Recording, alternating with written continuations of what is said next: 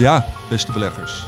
In een week waarin de Nederlandse bank cryptobeurs Binance een boete oplegde van 3,3 miljoen euro en Mario Draghi ontslag nam als premier van Italië, staat de AEX rond de 700 en de S&P 500 rond de 3950 punten.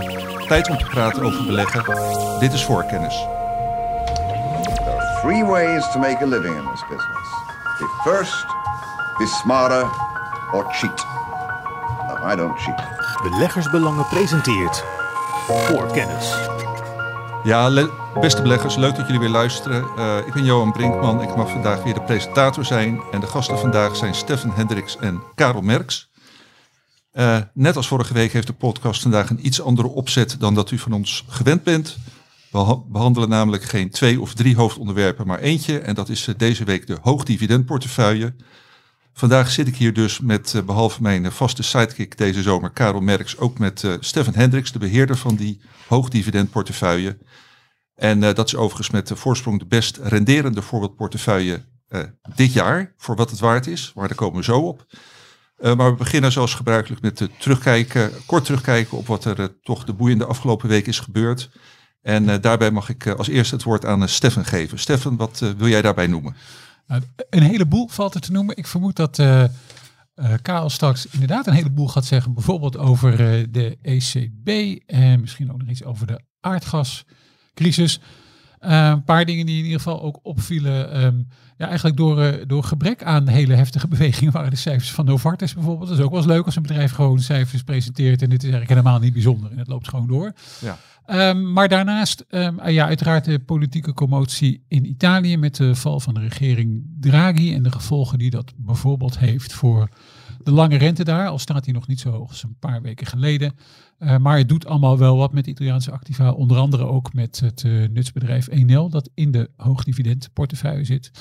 En als ik dan meteen even naadloos mijn eigen bruggetje over mag lopen. Van Enel uh, is het dan maar een kleine stap naar twee andere nutsbedrijven. De afgelopen week waren binnen de Europese nutsector Uniper en EDF met voorsprong de best renderende aandelen. En dat is best opvallend, want we hebben het hier over twee nutsbedrijven die in uh, serieuze financiële moeilijkheden verkeren. Uh, dusdanig dat er ook de overheid in moet stappen. En dat was misschien ook wel de aanleiding voor deze uh, koersstijgingen. Want Uniper dus uh, 26% in de plus over de afgelopen week en EDF een procent of 15. Ja, hoe komt het nou? Ja, bij Uniper speelt natuurlijk mee dat er uh, nou, in ieder geval iets aan aardgas door Nord Stream 1 weer is gaan lopen. Uh, nou, dat helpt enorm natuurlijk. En er zijn wat details van het reddingspakket van de Duitse overheid naar buiten gekomen. Die zou mogelijk een belang van 30% geloof ik in Uniper kunnen nemen. En de, zeg maar, de, de, de kredietfaciliteit die Uniper bij um, de Duitse staatsbank Kredietanstalt voor Wiederaufbouw zou kunnen uh, openen, gaat van 2 naar 8 miljard. Dat is nou, een uh, groot verschil. Dat is een groot verschil, hebben ze ook wel nodig. En EDF, ja, dat is eigenlijk nog officiëler, want daar ligt een bod van de Franse overheid om de 16% aandelen die zij nog niet in bezit hebben, over te nemen voor 12 euro per aandeel. Ja, en dit uh, alles uiteraard in, uh, uh, ter voorkoming van een hele grote gascrisis in Europa. Als die toch al niet gaat komen, maar om die in ieder geval iets minder erg te maken. Ja, nou EDF is helemaal een bijzonder geval. Dat heeft eigenlijk helemaal niet zoveel met, um, of in ieder geval niet, de directe aanleiding is niet aardgas as such eigenlijk. Maar de problemen van EDF zelf, ook een beetje door de Franse overheid opgelegd en eigenlijk door EDF zelf gecreëerd. Dus verouderde kerncentrales zorgen voor heel veel uitval. Dat betekent dat uh, EDF ook zelf stroom moet gaan opkopen op de open markt om aan zijn leveringsverplichtingen te voldoen. Nou ja, daar speelt natuurlijk die aardgasprijs wel een rol, want um, daardoor is natuurlijk de prijs op de uh, spotmarkt voor stroom enorm opgelopen. Ja. Dat hakt er enorm in bij EDF en vervolgens draagt de Franse overheid daar ook nog eens een keertje zelf hartstikke leuk aan bij door EDF op te leggen dat de stroomprijzen maar met, uh, nou, volgens mij 4% geloof ik, mogen stijgen. Waardoor uh, EDF die extra kosten die ze moeten boeken ook niet kunnen doorberekenen aan hun eindklant. En nu is het natuurlijk een beetje een vestzak, uh, broekzak uh, gebeuren. Want ja, als je uiteindelijk EDF nationaliseert, betaal je die rekening ook met z'n allen. Oké, okay. nou helder en interessant.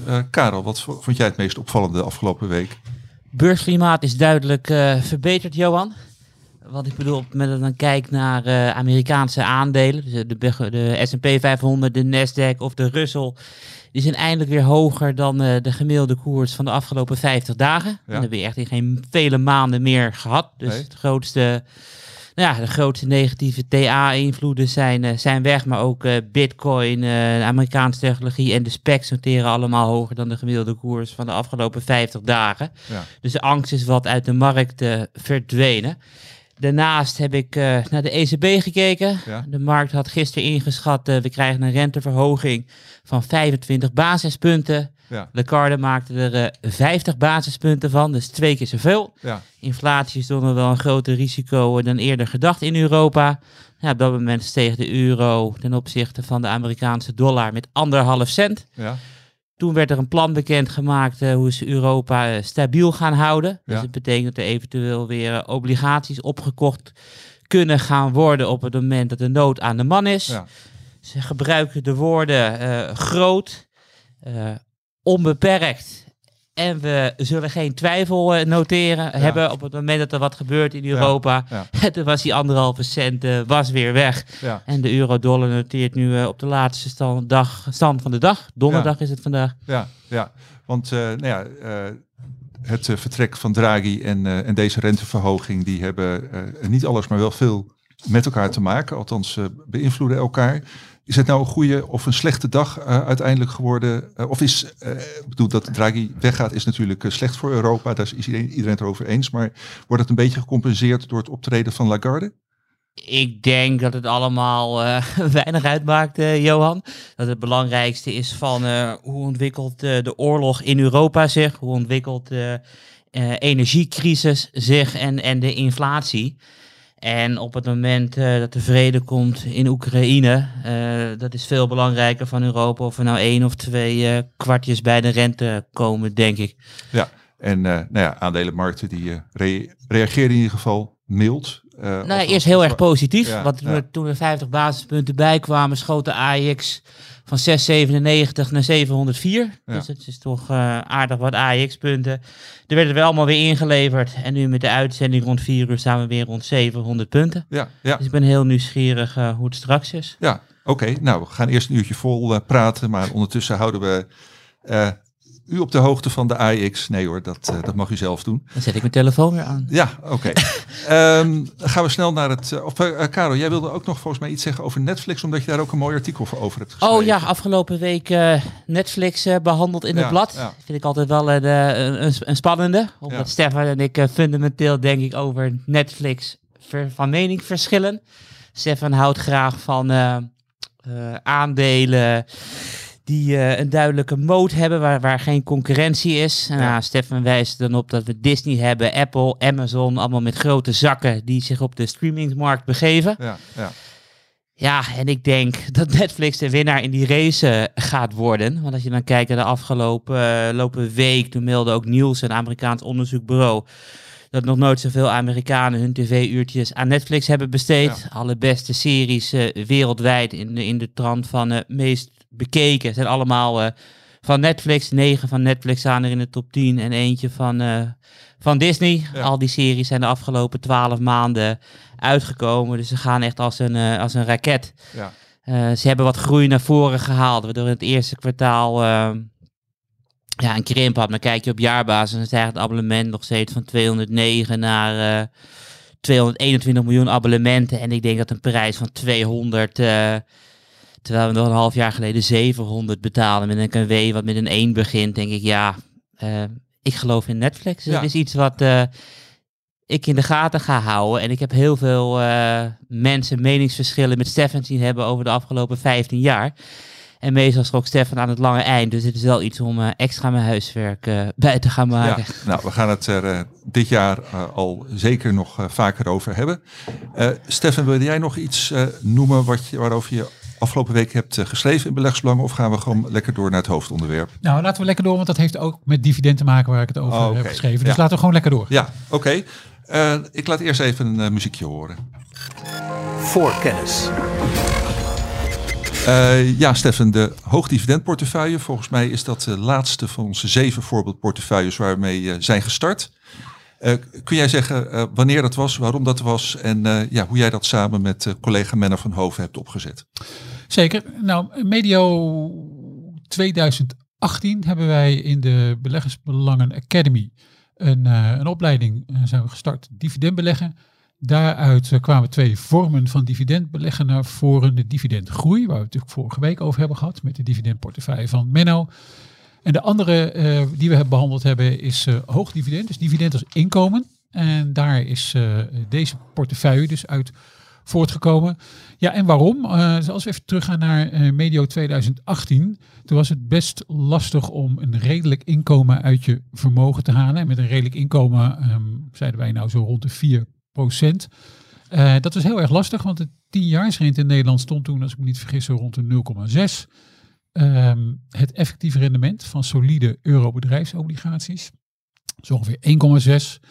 En het effectieve rendement van euro high yield, dus risicovolle bedrijfsobligaties, was ongeveer 4. Maar dan heb je natuurlijk wel te maken met een groep bedrijven die kwalitatief in de regel een stuk minder is.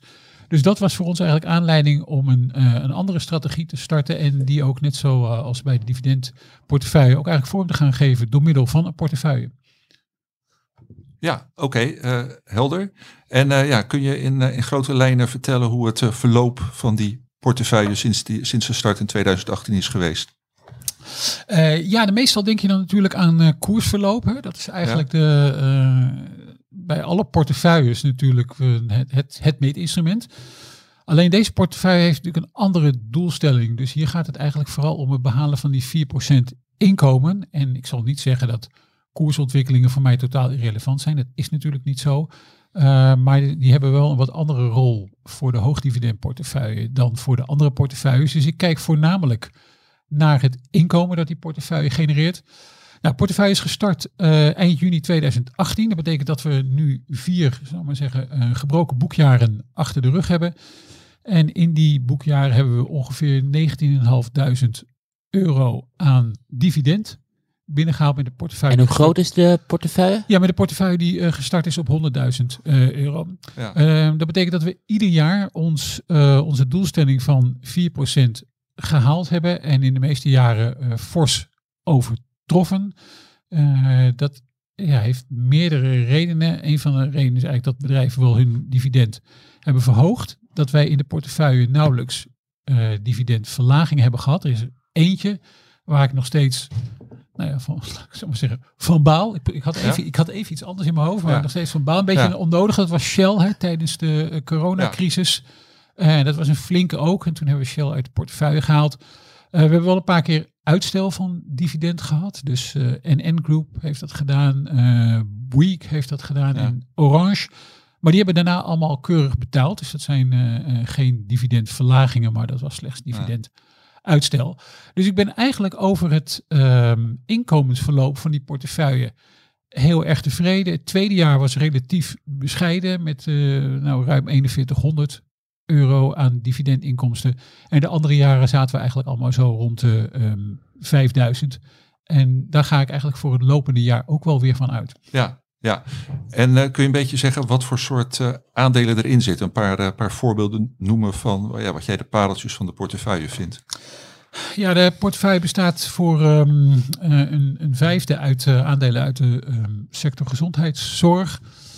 Daar, zitten er, daar hebben we er verschillende van in portefeuille gehad, maar de, de huidige drie zijn AbbVie, Pfizer en Sanofi. Um, de aandelen bestaat uit of sorry, de portefeuille bestaat uit 20 aandelen. Een andere grote sector is uh, financials. Daar hebben we er ook drie van. Uh, Allianz, Münchener Rück en NN Group. En we hebben er ook drie, en die is een weging van ongeveer 15%, uit de uh, sector consumer staples. En dat is een beetje een, een verzamelnaam, maar in de portefeuille worden die vertegenwoordigd door um, Ahold Delhaize, Kimberly Clark en Unilever. Oké, nou dan hebben we in ieder geval uh, uh, wat uh, zeer bekende en iets minder bekende namen gehoord. Maar dan heeft u als luisteraar in ieder geval een idee. En ja, goed, je hebt het natuurlijk al gezegd, maar dat wil ik toch wel benadrukken. als men van hoofd het over dividend heeft, dan, of dividend binnenkrijgt, dan weet hij niet hoe snel hij dat moet, moet herbeleggen. Dat is ook gewoon de kern van zijn filosofie. Eh, herbeleggen, dat doe jij als beheerder van de hoogdividendportefeuille niet, want het wordt ja, echt uitgekeerd aan uh, uh, ja, de belegger. Ja, nee, maar dat is inderdaad een heel goed punt dat je daar, en dat had ik natuurlijk eigenlijk zelf even moeten ja. Johan, dus dank daarvoor. Graag gedaan. nee, het, het, is inderdaad, wat ik in het begin al zei, we, deze portefeuille is natuurlijk gericht op het behalen van inkomen en dat inkomen van 4%. Ja. Daarom herbeleggen we dat ook niet, maar ik ga er eigenlijk vanuit dat dat wordt uitgekeerd. In het rendement van de portefeuille doen we dat als volgt. Uh, we zien al het opgebouwde dividend eigenlijk als cash en dat wordt bij de portefeuille uh, opgeteld, maar dus niet herbelegd. Dus dat is denk ik wel van belang als mensen de resultaten zien, de totale portefeuillewaarde, dan is dat dus de waarde van de individuele aandelen plus cash dividend dat we in de loop der jaren hebben ontvangen.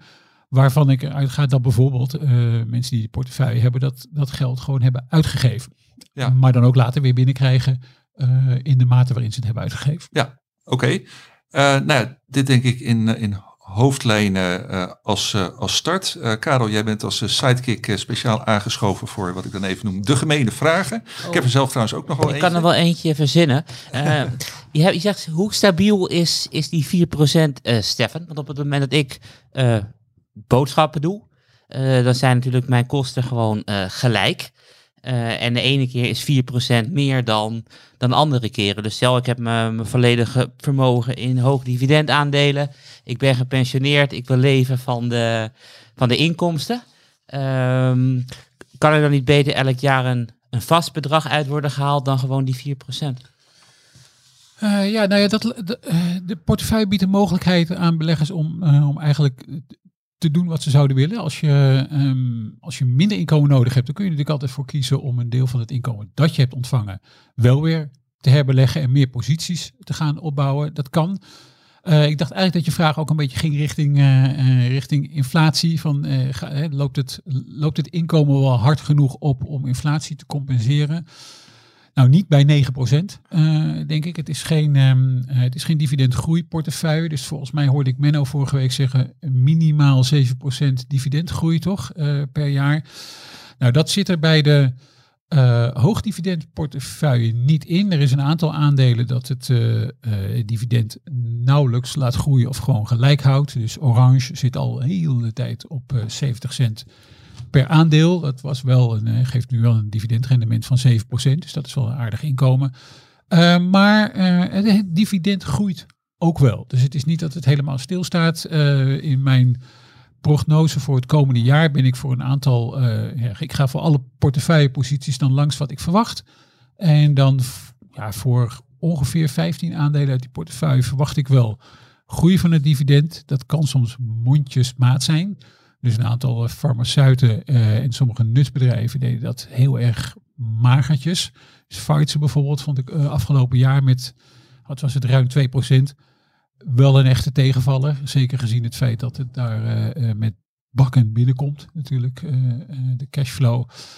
Consolidated Edison was ook niet echt heel erg hard met 2%. Maar er zijn ook andere, uh, AppFi die 8,5% verhoogde. Aperam ging ook nog vrij hard omhoog. Dus de, het, het, het wisselt wel. Dus het is ook wel de bedoeling dat er wel een beetje bij komt. Alleen selecteer ik niet op uh, per se op groei.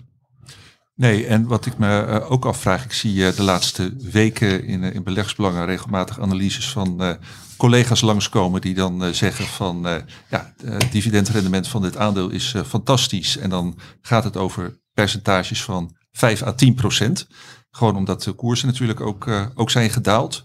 En dan denk ik, ja, die 4% is dat ook in de huidige omstandigheden niet wat mager?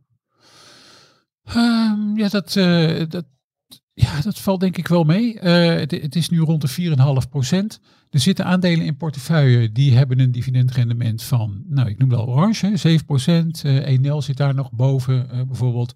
En aan de onderkant zit pak een beetje Pfizer met 2,9. Dus wat er in portefeuille zit verschilt nog wel.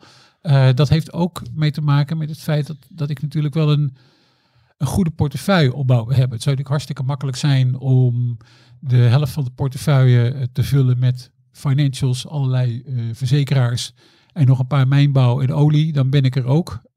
Maar we proberen wel toch nog wel wat spreiding aan te brengen in die portefeuille. Waardoor je ook, en dat zie je dan dit jaar wel heel erg goed terug, um, nou ja, ook nog wel aardige koersbewegingen hebt die zeg maar het totale rendement van die portefeuille stabiel houden. Ik, ik heb al eerder gezegd, zelf ja, vind ik die koersbewegingen ja, uiteraard wel van belang, maar eh, kijk ik vooral naar dividendbewegingen, maar ik kan me ook voorstellen dat als je zo'n portefeuille hebt, dat het ook wel prettig is ehm, dat de waarde van die portefeuille als geheel niet helemaal omlaag kachelt, terwijl je het inkomen er maar eruit moet halen. En dat is ook totaal niet het geval. Uh, dus year to date staat de portefeuille ongeveer vlak, een paar tienden in de plus. En dan heb ik het echt over het koersrendement. Uh, als je daar dan ook nog het dividend een beetje bij optelt, dan zitten we op dit jaar op een rendement van uh, ruim 3%. Nou ja, dat zijn onder de gegeven omstandigheden, lijkt me dat prima. Ja, ja want dat is inderdaad een opvallend gegeven waar je ja, zou kunnen zeggen dat de eerste jaren het koersrendement van de hoogdividendportefeuille wat uh, of flink achterbleef bij, uh, bij andere portefeuilles. Zeker. Uh, ja, is het dit jaar, wat ik ook in de introductie zei, de best renderende portefeuille. Gewoon omdat die andere portefeuilles vrijwel zonder uitzondering in de min staan. Of doe ik dan de defensieve portefeuille tekort, Karel? Ik moet even factchecken, maar ja, volgens nou, mij staat het ongeveer break-even dit jaar. Ja, maar... Nou, maar ik, uh, ik meen toch uh, uh, dat de hoogdividendportefeuille gewoon dit jaar het meeste geld heeft opgebracht. En dan heb ik dus over koers en, en dividend bij elkaar opgeteld. Andere jaren was dat niet zo. Dit is natuurlijk een ja, waanzinnig, bijzonder, verschrikkelijk, rampzalig jaar in vele opzichten. laten we hopen dat volgende jaar dat dat minder rampzalig is. Uh, bestaat er niet de kans dat die, uh, die uh, hoogdividendportefeuille ja, weer gewoon heel erg matigjes gaat presteren als het om koersrendement gaat? Ja, als koers je uitgangspunt is, dan, dan zou dat best kunnen. We hebben het hier uiteindelijk niet over bedrijven die als een dolle groeien. Als ik de sterkste groeier eruit zou moeten halen, dan is dat gek genoeg op dit moment denk ik een, nou niet gek genoeg, maar dan is dat een wapenfabrikant. Hè? Dus de perspectieven voor BAE Systems uh, Brits defensiebedrijf, die zijn in ieder geval uh, in termen van, van omzet en winst voor de komende, nou laten we maar zeggen vijf jaar, dat zijn vaak wat langere cycli, ziet dat er misschien wel het beste uit. Dus ja, dat, uh, dat zou heel goed kunnen. Johan, ik denk ook, um, je moet het ook voor wat langere periode bekijken. Dus je moet misschien ook die, toen die portefeuille startte, toen draaide natuurlijk alles om groeiaandelen en een lage rente waarbij dat soort aandelen heel erg aantrekkelijk waren. En ja, toen heb ik natuurlijk ook wel eens naar de koersen van de hoogdividendportefeuille zitten kijken. dacht, ja, dat maakt toch alles bij elkaar wel een buitengewoon treurige indruk. Oliebedrijven die niet vooruit te branden waren en farmaceuten die een beetje uh, bleven liggen. Of Pfizer die dan een, uh, natuurlijk als vaccinproducent er heel erg uitsprong. Um, je zou ook kunnen zeggen dat er een, een tijd lang wel heel erg veel geld is betaald voor bedrijven die ook hard groeien. En ik heb als eerder hier in de podcast gezegd dat er bepaalde bedrijven ook verhandeld werden op koers-winstverhoudingen van uh, nou ja, 40, 50. Ja, dat vond ik toen ook onrealistisch. En daar kan ik dan natuurlijk wel ach en wee over klagen als, als beheerder van een hoog dividendportefeuille. Dat heb ik toen ook niet gedaan. Het is een fact of life. Uh, net zoals dit nu een fact of life is dat als de markt verandert, dat beleggers wat draaien naar uh, goedkopere aandelen die zitten dus in de hoogdividendportefeuille, want uiteindelijk is dividendrendement natuurlijk ook gewoon een waarderingsmaatstaf. Hè? Dus um, ja, hoe hoger dividendrendement, dat impliceert een, uh, een lagere waardering natuurlijk. En daarmee uh, dit jaar wat meer populariteit. Ja, er zit een wapenfabrikant in. Ja, er zitten twee olieproducenten in. Die, het, uh, die, ja, zeg maar, die profiteren van de buitengewoon onaangename situatie in Europa. Er zijn ook gewoon een heleboel andere bedrijven in die keurig blijven liggen. Ik bedoel, KPN hebben we het uh, niet zo heel vaak over. Maar ja, in deze podcast heb ik al eerder gezegd. Lag, wat was het ergens vorig jaar? Wanneer was het de overname bot? Begin vorig jaar, misschien nog iets terug. Um, ja, dat ik enorm blij ben dat KPN niet is overgenomen. Omdat dat bijvoorbeeld voor mij als hoogdividendbelegger een fantastisch voorbeeld was van een bedrijf dat inderdaad heeft geïnvesteerd in zekere groei. Waarbij je op een gegeven moment een piek ziet aankomen in de investeringsuitgaven, waarna er, als het allemaal goed is, en we zullen het de komende jaren verder zien, er meer geld naar de aandeelhouders toe kan komen.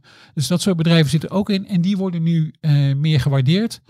Um, het zou kunnen zijn dat we weer helemaal teruggaan naar een situatie van een hele lage uh, rente of een, of een uh, duidelijk dalende rente. Ja, dan komen er weer andere bedrijven in, in zwang. Nou, Karel noemde volgens mij al het sentiment van de afgelopen week hè, in, de, in zijn intro.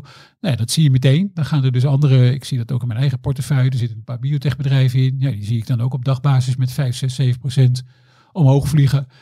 Puur op sentimentsbasis, want er is verder, verder nul nieuws. Ja. Ehm, maar ja, laat ik dat toch nog eh, voor de zoveelste keer benadrukken.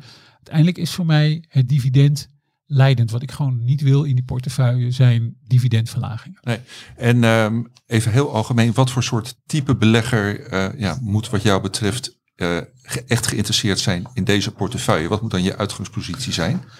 Nou, je zou aan twee, eh, eigenlijk aan, aan twee typen beleggers kunnen denken. De ene is denk ik heel simpelweg de inkomensbelegger. Dus op het moment dat je eh, een, eh, nou, een aanvulling zou willen op je huidige inkomen. Nou, sparen levert nog steeds niet heel veel op. Eh, je kunt nu duidelijk meer rendement krijgen op bedrijfsobligaties. Eh, dat is waar, ook op high yield. Maar goed, heb ik al eerder gezegd, de kwaliteit van eh, die high yield bedrijven, die steekt toch wel heel erg mager af tegen de kwaliteit van de bedrijven die in de hoogdividend portefeuille zitten. Want ehm, ja, er zit niet één bedrijf in de hoogdividend portefeuille met een high yield rating. Dus ze hebben allemaal een investment grade rating. Met andere woorden, we hebben het hier allemaal over solide bedrijven. Eh, de enige onderneming die geen rating heeft, dat is eh Aperam overigens. De andere 19 hebben dat wel. Eh, dus, dus die belegger, hè, belegger die eigenlijk een aanvulling op inkomen heeft. Ja, en het ook, dat heb je dit jaar dan dus ook gezien. Er zit dus ook een spreidingsvoordeel Ja. in deze portefeuille. Dus daar, daar geldt ook een beetje voor. Als je misschien als belegger erachter gekomen bent dat je portefeuille wel erg was overgeheld naar heel snel groeiende bedrijven die ook heel hard onder druk komen. Nou ja, dan heb je nu misschien ook wel weer het belang van eh, spreiding gezien. Nou, dat wil niet zeggen dat je helemaal van je geloof moet vallen en niet meer in snel groeiende bedrijven kunt beleggen. Want ja, ik, eh, met Menno spreek ik natuurlijk ook heel veel over de gewone dividendportefeuille. En er zitten allemaal fantastisch snel groeiende bedrijven in die dit jaar weliswaar moeilijk hebben, maar op termijn heel erg goed kunnen doen. En, en dan nog eh, eh, ja, op dit moment één vraag van mijn kant. En dan heeft Karel misschien vragen. En we hebben heel veel lezersvragen nog. Ehm, maar eh, de duurzame belegger. Ik, ik hoor een wapenfabrikant, ik hoor eh, oliemaatschappijen. Nou, sommige mensen hebben het ook niet zo op farmaceuten. Wat, ehm, wat kun je daarover zeggen? Want nou, dat mag ook hopelijk, hopelijk voor de luisteraar duidelijk zijn dat wij als beleggersbelangen wel degelijk duurzaamheid belangrijk vinden. Maar als ik naar deze namen luister, dan eh, eh, ja, twijfel ik daar weer een beetje aan, Stefan. Nou ja, kijk, dat is maar net. ehm, ja, hoe zal ik dat eens beantwoorden? Kijk, dat is. Het is ook maar net wat je duurzaam vindt. Dus eh, niet zo lang geleden werd volgens mij Tesla uit een S&P duurzame index gewerkt en kwam Exxon erin. Dus ja, het is een oliebedrijf. Dus duurzaam is ook een, ja, maar zeggen, een, een rekbaar begrip voor sommigen. Uiteraard besef ik dat oliebedrijven niet echt worden geassocieerd met duurzaam. En dan misschien Chevron onder de oliebedrijven dan wel helemaal niet echt met duurzaam. Misschien is dat voor totaal heel klein beetje anders, omdat die wel wat meer in duurzame energie doen, denk ik, dan eh, Chevron.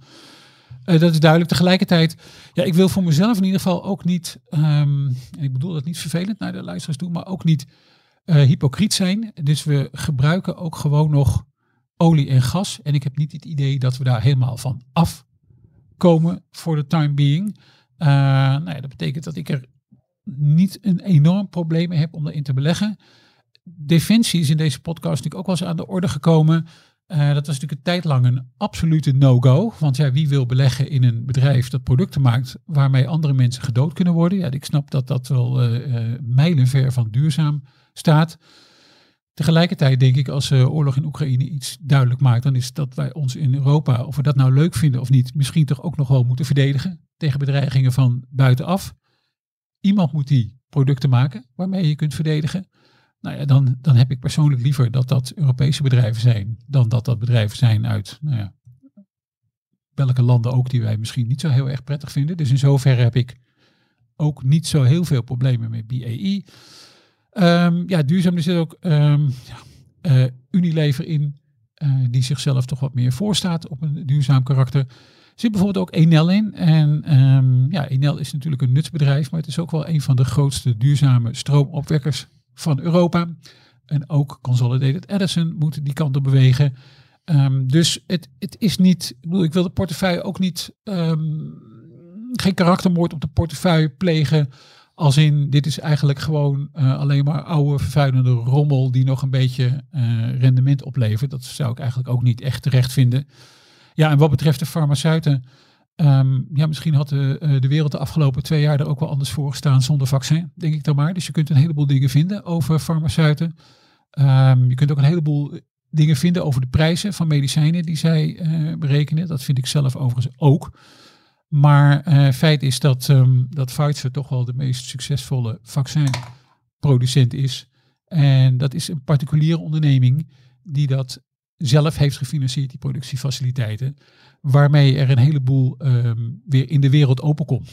Ja, helder. Je hebt er in ieder geval goed eh, over nagedacht. En het is eh, uiteraard aan de belegger zelf waar hij of zij wel of geen zin in heeft. Eh Karel, heb jij op dit moment nog vragen? Of zal ik eens even naar de vragen van eh, de lezers gaan kijken? Nou, ik heb één vraag die volgens mij onze luisteraars ook wel interesseren. Ehm, waar kijk je allemaal naar, Stefan, of het dividend houdbaar is? Want ik bedoel, het grootste risico met beleggen is natuurlijk het permanent verlies van kapitaal. En nadat een aandelenkoers hard gedaald is, gaat dan wel eens het dividend eh, eraan. En dat willen we ten alle tijden voorkomen. Ik bedoel, hoe doe je dat precies om ehm, geen pijnlijke flaters te slaan? Ja, nou, dat is, je, ongelukjes kunnen altijd gebeuren. Dus bij Shell had ik het ook niet echt verwacht. Het is, ja, wat ik al zei, de enige, de enige dividendverlaging, en dan op kwartaalbasis ook nog, die we hebben gehad in vier jaar hoog dividendportefeuille. Nou, dat valt me op zich niet tegen. Als je Daarom ben ik ook nieuwsgierig naar het antwoord. Ehm, alle aandelen die we in portefeuille hebben, die gaan wat mij betreft allemaal langs een aantal criteria. En ik kijk eigenlijk meer als een obligatiebelegger. Dus ik begin voor die aandelen allemaal bij de balans. Dus ik kijk naar de totale schuldpositie, schuldpositie ten opzichte van het eigen vermogen. En heel erg belangrijk wat mij betreft de netto schuldpositie. Dus dat is nou weer schuld gecorrigeerd voor cash op de balans. Ten opzichte van de operationele winst voor afschrijvingen en amortisatie immateriële activa, ook wel EBITDA genoemd.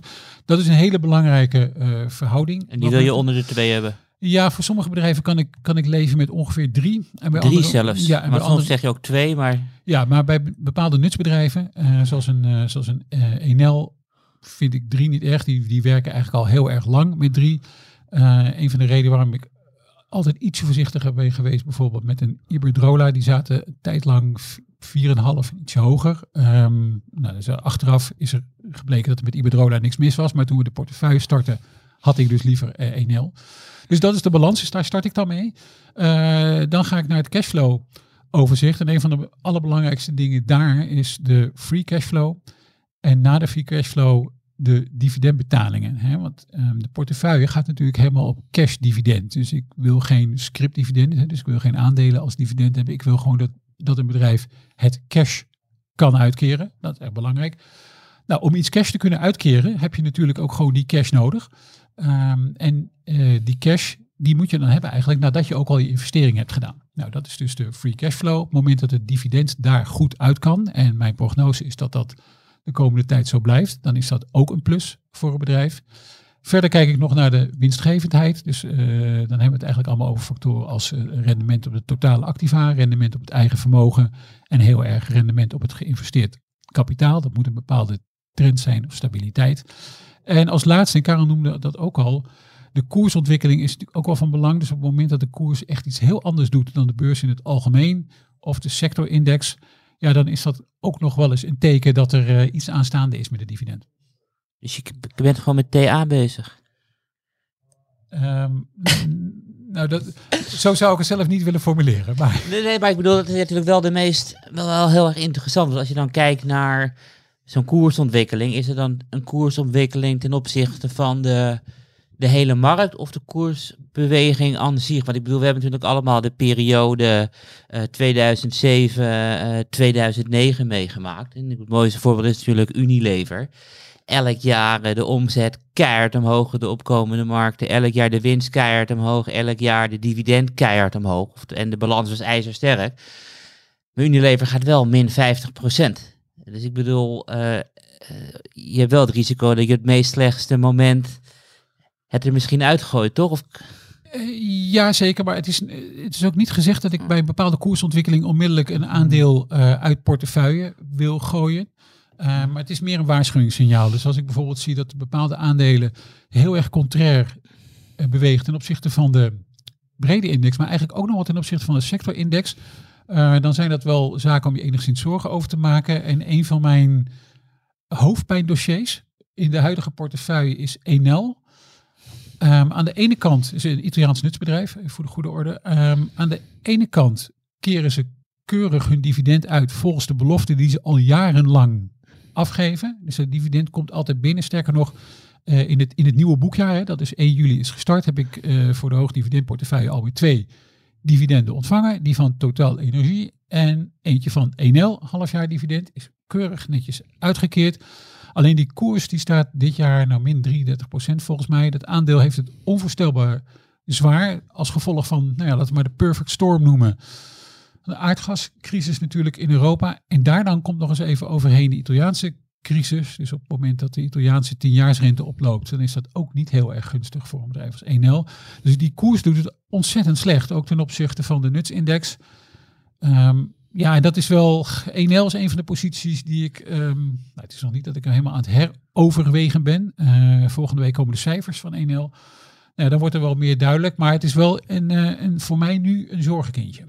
En we hebben natuurlijk gehad over Enel als je zorgenkindje. Maar heb je ook uh, aandelen waarnaar je kijkt die je misschien mogelijk in de portefeuille wil gaan opnemen? Ja, er zijn er meerdere. Ik heb um, al vaak geschreven dat ik eigenlijk wat in ieder geval een goede sectorspreiding wil hebben. Dat we liefst nog een paar posities willen afromen om dan weer wat meer posities te openen. Zodat uiteindelijk die portefeuille ietsje groter wordt dan die 20 aandelen die die nu is. Het zou echt mooi zijn als we um, nou, misschien een beetje in het spoor van de dividendportefeuille, als we van, eh, van 20 langzaam naar 25 en verder kunnen gaan. Um, en dan wil ik eigenlijk graag nog wat andere sectoren hebben. Dus ik wil liever niet nog grotere wegingen hebben in gezondheidszorg consumer staples of financials. Uh, nou ja, dan, waar kom je dan uit? Bijvoorbeeld in de sector industrie. En daar kijk ik wel naar Siemens. Um, die staan er in mijn optiek goed voor. Dividendrendement is ongeveer 4% Dat is niet verkeerd als het uh, houdbaar is. Klein nadeeltje is die keren één keer per jaar uit in plaats van vier keer per jaar zoals uh, veel Amerikanen. En ook uh, Fancy is, um, is een van de bedrijven waar ik wel mijn oog op heb. Die zitten ook beginnen in de richting te komen van het dividendrendement dat ik wel uh, prettig vind. Zo tussen de 3,5 en 4. Oké, helder Stefan je antwoorden en bedankt voor je vragen. Karel, we gaan maar eens even snel naar de vragen die de luisteraar heeft ingestuurd. nou, ik uh, zeg ze in willekeurige volgorde. Hanteert de heer Hendricks, dat ben jij dus, uh, Stefan, een minimum, minimum dividend, dividendrendementspercentage voor opname van een aandeel in de hoogdividendportefeuille? Uh, nou, volgens mij heb je het antwoord al min of meer gegeven, maar desalniettemin voor deze luisteraar nog even het antwoord. Ja, nee, en dat is prima, het is een heel relevante vraag. Dus ik, in eerste instantie keek ik dus op portefeuille niveau. Dus ik wil ergens tussen de 4 en de 4,5 procent dividendrendement wel uitkomen. Um, ik besef dat om een uh, goed gespreide portefeuille te krijgen, uh, ik dus aandelen zou hebben met dividendrendementen die uiteenlopen. Uh, dat betekent dat er een aantal aandelen zit, zoals ik al net genoemd heb, bijvoorbeeld een Enel of een Orange, die ver, ver boven die 4, 4,5 procent zitten. Er zit er ook een aantal onder. Uh, is nu 2,9. En als ik me niet vergis, BAE Systems en Kimberly Clark zitten allebei zo rond de 3,2. Als ik naar nieuwe aandelen kijk, gaat mijn uh, blik altijd uh, naar. Ik heb op, op onze Bloomberg terminal heb ik altijd een. wat is, ik weet niet precies het Nederlandse woord voor, maar ik laat altijd een screen lopen. Een, een, een, een dataset stel ik samen van aandelen met dividendrendementen tussen de 3 en de 8 procent. Uh, dat heb ik eigenlijk als een soort eerste vergaarbak om eens, een, uh, om eens te kijken wat er allemaal op de markt te koop is.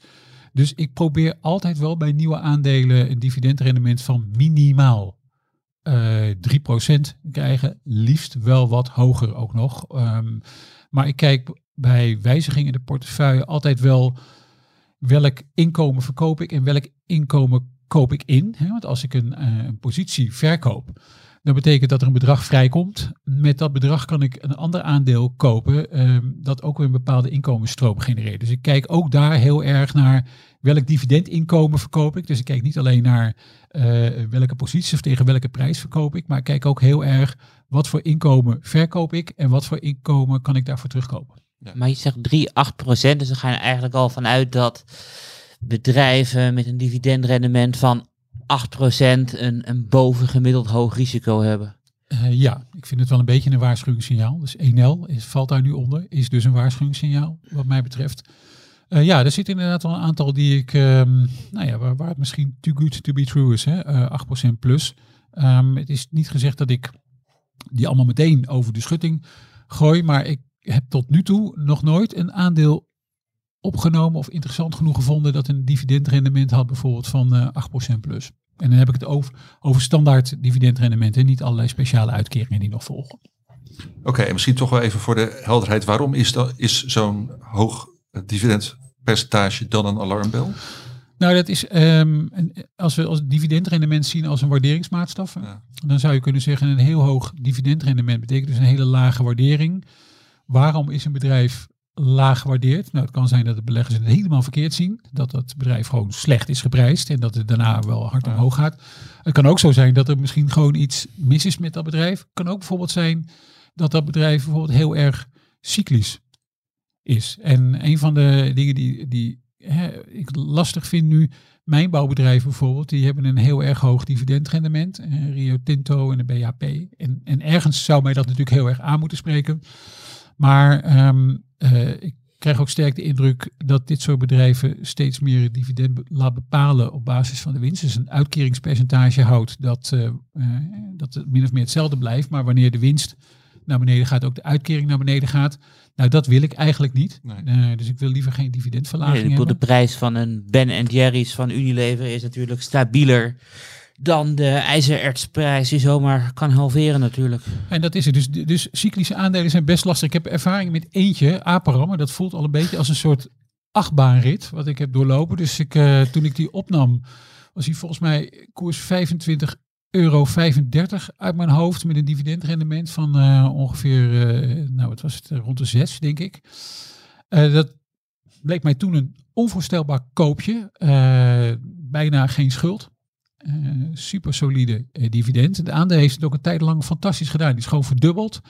Maar nu weer terug. Dus hij heeft een soort roundtrip gedaan. Dus nu staan we weer ergens zo rond de 27 eh, euro. Dividend ondertussen is wel verhoogd.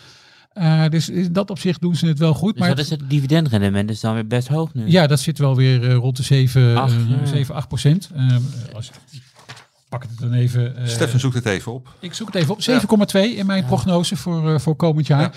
Eh, dus dat is best. Dus met sommige aandelen is dat best lastig. En die, die cyclische aandelen. ehm, ja, daar is natuurlijk de kans op dividendverlagingen is ook een stuk groter. We hebben ook Randstad een tijdje in portefeuille gehad. Die heb ik in, in aanloop naar een door mij verwachte dividendverlaging eh, er maar uitgegooid. Hetzelfde gold voor het vastgoedbedrijf Clepierre, waarvan ik dacht, daar gaat het dividend ook aan.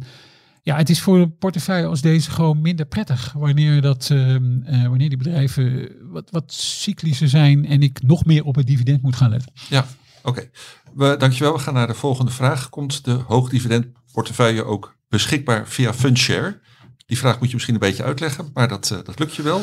Eh jazeker. Ehm, de, ehm, die vraag komt denk ik rechtstreeks vanuit de gewone, nee niet de gewone, de dividendgroeiportefeuille van Menno, die eh, dusdanig populair was onder onze eh, abonnees en daarbuiten. Dat eigenlijk best wel veel mensen de vraag hadden, kan ik daar dan niet eh, in één keer in beleggen? Met één druk op de knop zou daar niet een product voor zijn? Nou, dat hebben we in samenwerking met fondsaanbieder Fundshare hebben dat product gemaakt. En dat is nu op de markt. Ehm, zou dat ook kunnen voor de hoogdividendportefeuille? Eh, nou ja, bij voldoende interesse, eh, hopelijk. Ehm, wij, wij staan daar niet afwijzend tegenover, denk ik, zou eh, volgens mij de, officiële lijn zijn. Ja, nou, dat kan ik bevestigen. Dus wie weet, tweede helft van dit jaar of begin volgend jaar.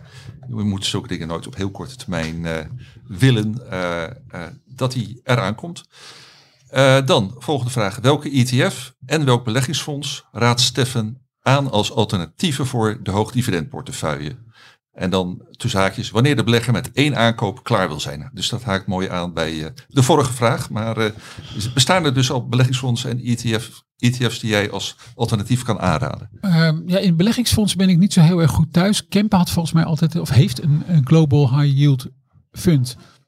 Maar daar is volgens mij de, eh, de, een van de belangrijkste mensen, Jorik van de Bos, relatief kort geleden eh, vertrokken. Dus ik weet eigenlijk niet precies hoe dat, hoe dat fonds nu, eh, nu gaat. Ik ben ook geen fondsenspecialist. ETF's heb ik me in het verleden ook wel eens wat meer in verdiept. In de pensioenportefeuille, die ik ook mede beheer, zit bijvoorbeeld de Spider of de SPDR Dividend Aristocrats. Een, dan beleg je in Amerikaanse bedrijven die het dividend minimaal 20 jaar op rij hebben verhoogd. Um, maar dat is alleen dollars. Dividendrendement ligt ook wel ietsje lager. Dus als je een wereldwijd alternatief zoekt. Ja, dan heb ik er twee die we altijd uh, wel bijgebleven zijn. Uh, ene is van iShares. Dat is volgens mij de Stocks Global Select 100 ETF. Dan heb je ook een, uh, een, een, ETF die ook relatief hoog dividendrendement ja, heeft. Ja. Ergens rond de 4,5 procent. Wat ik bij die, bij die ETF's altijd wel aanraad, en welk product je ook neemt, of welk, welk fonds je ook onder loep neemt. Kijk, je moet eens even goed kijken waar dat hoge dividend vandaan komt. Dus als je bijvoorbeeld die, um, uh, dat product van iShares neemt, dan beleg je voor volgens mij een kleine 35% in financials. Ja. Dat moet je willen. Uh, denk ik. Uh, en want ik had het wel uh, opgezocht. Er zit ook nog een, een hele grote weging um, voor de sector basismaterialen. Dus als je basismaterialen en financials bij elkaar optelt, dan zit je bijna op de helft van die ETF. Nou ja, dat is iets, daar kun je van alles en nog wat van ja, vinden, zolang ja. je maar, denk ik, maar van tevoren dit weet. Regionale weging, dan hebben we de VS, dus die is met 20% de grootste. Maar daarachteraan komen Japan en Australië met 12 en 10%. Uh, ook daar hoef je misschien niet per se iets van te vinden, maar ik denk wel dat je het, het, het moet weten. Um, keert wel vier keer per jaar uit. Dat is op zich wel gunstig. Uh, en in euro's, dus dat is verder ja. prima. Een ander alternatief is van Vanguard. De FTSE All World High Yield Index. Um, die zou je ook kunnen doen. keert ook vier keer per jaar uit. Die is wel meer gespreid. Dus daar zitten volgens mij bijna 1780 aandelen in wereldwijd. Opnieuw beleg je fors in financials, want die zitten daar voor een, uh, een procent of 25 in. Keert ook vier keer per jaar uit, zoals ik al zei, um, in uh, dollars. Um, dividendrendement is ook wel vrij hoog, zo rond de 4 procent. Amerika weegt daar dan weer veel meer in mee. Is dan Amerika ongeveer 43 procent. En dan zitten daar ook nog heel hoog in met 8 procent, zowel Japan als het Verenigd Koninkrijk. Dus voor, ik zou zeggen, welk product je ook neemt, uh, je moet wel echt heel erg goed kijken waar dat hoge dividendrendement vandaan komt en of je je daar comfortabel mee voelt. En hoe zwaar de zwaar wegende posities erin zitten. Uh, ja, dan valt het bij allemaal uit mijn hoofd wel mee. Ik denk dat bij die uh, Global Select, die 100, is volgens mij Rio Tinto, dacht ik, een van de uh, hoogste met een procent of 4. Nee, dat valt allemaal wel mee. Maar ik ken ook voorbeelden dat je opeens 11, 12, 13 procent hebt. Ja, dat klopt. Je hebt dat, ook... Je hebt ook natuurlijk zeg maar meer geconcentreerde. Hè? Dus je hebt ook de Select 30, volgens mij, de ja. Euro Select 30. Um, Gewoon standaard checken, dan ben je nooit verrast. Standaard checken, want er is ja. natuurlijk ook zijn er Europese dividend aristocrats, maar daar is de kwaliteit wel wat anders van, moet ik eerlijk zeggen. Ja, op het moment dat het dividend gelijk blijft, is het akkoord. Ja, voor tien In de. Verenigde Staten ga je eruit. Dus je ja. belegt wel in andere bedrijven. Dus, dus er zijn wel alternatieven, maar ik raad iedereen echt heel erg goed aan om je dan toch wel gewoon echt in die producten te verdiepen. Die informatie is op de website van de aanbieder allemaal prima te vinden. Uh, maar je moet wel een beetje huiswerk doen en vervolgens de, uh, voor jezelf bepalen of je uh, of je comfortabel voelt bij de, zowel de regionale als de sectorverdeling en de, de grootste holdings. Ehm, wij hadden het idee dat we, dat we dat misschien op een andere manier konden doen, dat hoog dividend. iets meer invloed zelf uitoefenen op, op de posities die je prettig vindt. Ehm, maar dit zijn in ieder geval twee mogelijkheden die, um, nou ja, die, die redelijk voor de hand liggen. Zijn ook vrij grote ETF's waar, waar, waar echt wel een paar miljard in zit ja. aan beheerd vermogen. Oké, okay, hartstikke goed. Uh, bestaat er een beleid om na een waardestijging van bepaalde omvang, en dan staat er tussen zaakjes koersstijging en valutawinst, al dan niet gedeeltelijk winst te nemen? Ja, dat is een hele goede vraag. En dat, eh, eh, en dat beleid hebben we. Ehm Procter Gamble is daar een van de voorbeelden van. Dus die zat er vanaf het begin af aan in. Daar hebben we eh, na een jaar de positie wat van afgebouwd. En vervolgens hebben we Procter Gamble helemaal verkocht. Waarom? Die koers liep. eh, dividend was overigens niet slecht. Eh dividendrendement was niet fantastisch hoog toen de portefeuille kwam. Met drie en een beetje. Eh, dividend steeg ook wel, maar de koers van Procter steeg veel en veel sneller. Nou ja, wat krijg je dan? Dat het dividendrendement natuurlijk omlaag gaat. En toen kwam het mechanisme terug waar ik het net al over had. Welk inkomen genereert die positie, Procter Gamble nou eigenlijk? En als we naar de positie van Procter Gamble kijken, kunnen we dan een aandeel terugkopen dat ons meer inkomen geeft in die portefeuille. Dus als ik misschien mezelf heel erg comfortabel had willen voelen, dan had ik Procter Gamble er nog ingelaten. En dan had ik aan iedereen kunnen laten zien, kijk eens even hoe hard die koers is opgelopen, wat een fantastische stokpick dat wel niet is. Maar omdat de doelstelling van de portefeuille anders is, eh, hebben we dus ook die positie Procter anders behandeld. En we hebben het vaker gedaan. Kimberly Clark bijvoorbeeld is in weging teruggebracht. Eerder ook al Enel, ook al Aperam. En nu als ik naar de portefeuille kijk, eh, wat ik al zei, Pfizer met 2,9% dividendrendement en een relatief zware weging. Eh, dat is een positie waar we naar kijken. Kimberly Clark valt daar ook onder. Eh, BAE Systems eh, valt daaronder. Het zijn allemaal aandelen die hard zijn opgelopen, waarvan de weging dus ook is gegroeid.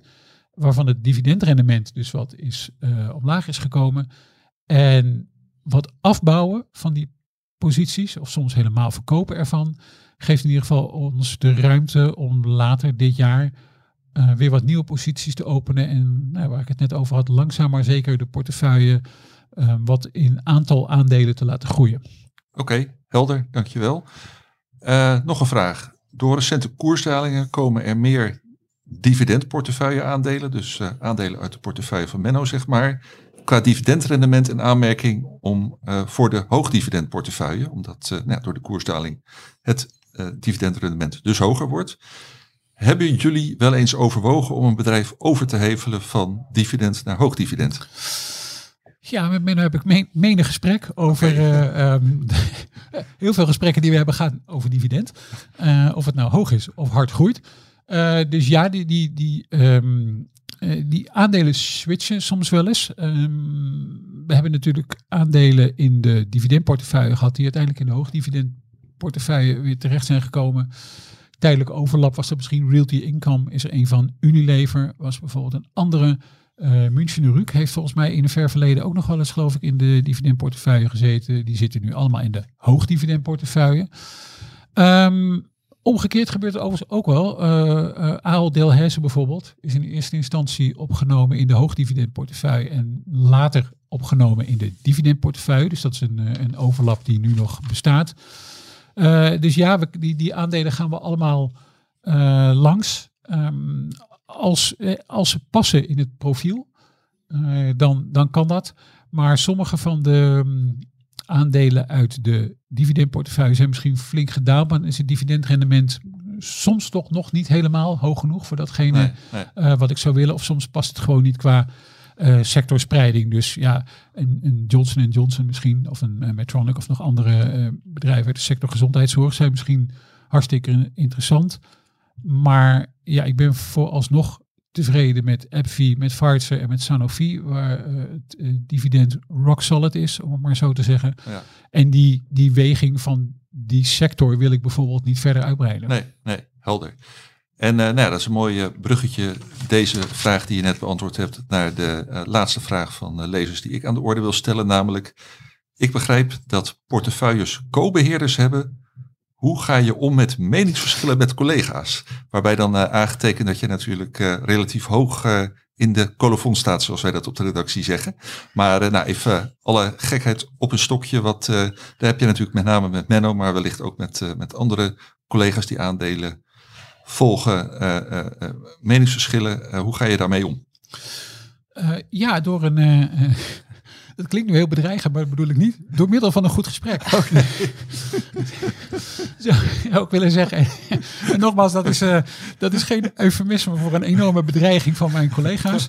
Nee, Eh, we nee, zitten hier in een kelderkamertje, hè? dus hier kunnen enge dingen gebeuren. Ja, ja nee, eh, dit is, maar dit is volgens mij geen eh, Brabantse eh, eh, martelkamer. Nee, nee, dus we hebben, eh, ja, we hebben inderdaad wel heel veel gesprekken over die. eh, eh, en en eh, dat is natuurlijk ook nodig om te zorgen voor een, eh, een goede portefeuille samenstelling en spreiding. Eh, dus recent, ehm nou, Menno heeft vorige week bijvoorbeeld besproken dat in de dividendportefeuille ook een, eh, de sector halfgeleiders wel een vrij prominente rol heeft. Nou ja, daar heb ik het met Menno over. eh, is Teradyne een betere positie of KLA? Nou ja, dan, dan, dan nemen we die posities door en dan leggen we die naast elkaar. Ja, uiteindelijk moet er natuurlijk iemand een beslissing nemen. En ehm, ja, we zijn co-beheerders. Ehm, maar de, de, nou, het, allerlaatste woord, als dat nodig zou zijn, want tot nu toe zijn we het nooit oneens geweest ehm, in de voorstellen die we aan elkaar hebben gedaan. Maar het allerlaatste woord ligt dan zeg maar bij de, bij de, bij de nummer één beheerder. Dus dat is Menno voor dividend en daar ben ik voor hoog dividend. Maar zoals gezegd hebben eh, eigenlijk geen, eh, ehm, geen grote meningsverschillen gehad. Er zijn wel alternatieven ehm, eh, die, die eens langskomen. Vind ik, nou, dat zou misschien wel interessant zijn om die eh, in, in portefeuille te hebben. Dus Benno heeft bijvoorbeeld voor de hoogdividendportefeuille, kijkt hij nog wel eens met enige regelmaat naar eh, bepaalde dividend aristocrats, waar ik dan wel of niet ehm, bekend of comfortabel mee ben. Omgekeerd, ja, kijk ik bijvoorbeeld ook nog wel, en ik dacht dat dat deze lezer, die, ik weet niet of het dezelfde lezer was, maar ehm ja, aandelen uit de sector industriële gassen. Eh, ja, in mijn optiek nog altijd een absolute topsector. Dus ja, ik vind dat een bedrijf als, als Linde had misschien wel in, had niet meer staan, denk ik, laat ik het zo zeggen, in de dividendportefeuille. Maar ja, Menno heeft daar in instantie ook nog voor andere industrials gekozen. Dus het is niet dat we daar slaande ruzie eh, over hebben. Het is, er zijn zoveel aandelen die we bespreken waarvan we eh, zeggen, nou, dat was eigenlijk wel, hè, dat zou ook wel kunnen. We hebben allebei vrij lange watchlist met aandelen eh, waar we het over hebben, die eh, eventueel als vervanger voor eh, bestaande posities zien. Helder. Eh, en eh, ook geruststellend eh, voor eh, de lezer die eh, eh, de redactie van Beleggsbelangen een warm hart eh, toedraagt. Eh, eh, Karel, Stefan, als jullie het niet erg vinden, wou ik het onderwerp hoogdividendportefeuille afsluiten. Mag ik nog Karel één wel zin. Ja, vertellen, Johan? zin, Ja, ja. Ik bedoel, Stefan zei van de hoog eh, dividendportefeuille is oorspronkelijk gestart in de Beleggersbelangen Academy. Ja. En eh, abonnees van Beleggersbelangen kunnen nog steeds eh, die opleiding volgen op onze website. Dus als zij naar beleggersbelangen.nl gaan en klikken op eh, Academy, dan kunnen ze zien hoe die opleiding gestart is. En weten ze nog meer over eh dividendportefeuille. Oké, dankjewel. Voorkennis. En dan gaan we razendsnel naar de afsluiting toe. Eh, Stefan, waar kijk jij met name op vooruit voor de komende week? Ik had voor mezelf zo'n rijtje opgeschreven. Johan, dat ging dan aardgas, Italië en heel veel cijfers. Eh, ja. Voor, voor mij, en met heel veel cijfers bedoel ik dan windcijfers. Eh, laat ik er een paar noemen die eh, voor mij van belang zijn. Ik zal die ene niet voor Karel zijn voeten wegmaaien. Maar Thermo Fisher, een van mijn favorieten. niet alleen voor, voor beleggsbelangen, maar ook in mijn eigen portefeuille. komt volgende week. En er zijn een aantal interessante paren die komen. Eh, we hebben het net gehad over industriële gassen. Dus zowel Air Liquide als Linde komen volgende week. En uit de nutsector kijk ik wel uit naar Iberdrola, eh medio volgende week. En een dag daarna, wat ik al noemde, eh Enel, waar ik met enig angst en beven naar uitkijk. Ja, en nou, de lezer wellicht ook, want veel lezers die volgen dat, dat aandeel. Karel, waar kijk jij met name naar uit? Unilever, Chemico en Tech Resources. En dankjewel Stefan dat ik het over de vet mag hebben. Eh, verwachting is nu wel 100% eh, kans op een 75% eh, renteverhoging. Ja, en dat is dan volgende week woensdag. Klopt, Ja. 8 uur Nederlandse tijd weten we het om half negen hebben we een persconferentie van meneer Powell. En kijken hoe het dit keer gaat. Helder. Oké. Nou, dan wil ik jullie bedanken voor dit, dit goede gesprek. Eh, en eh, met name Stefan, eh, alle voorbereidingen om over de hoogdividendportefeuille te praten. Heb ik ja, tot slot nog wel een, een droevige mededeling. Vanwege een heel eigentijds eh, eh, dilemma gaan we volgende week geen podcast opnemen. Dat dilemma dat heet personeelstekort. nou ja, we zijn gewoon in de zomervakantie eerlijk gezegd wat, wat minder goed bezet. En er komen heel erg veel interessante bedrijven. Stefan en Karel noemden er net een paar met cijfers. En we kiezen ervoor die cijfers goed te behandelen in het magazine en op de website. En ja, de podcast een, een weekje over te slaan. Dus over twee weken dan zijn we er weer. En dan gaan we het over de defensieve portefeuille hebben, waar Karel de beheerder van is. En nou, voor dit moment nogmaals bedankt en tot over twee weken.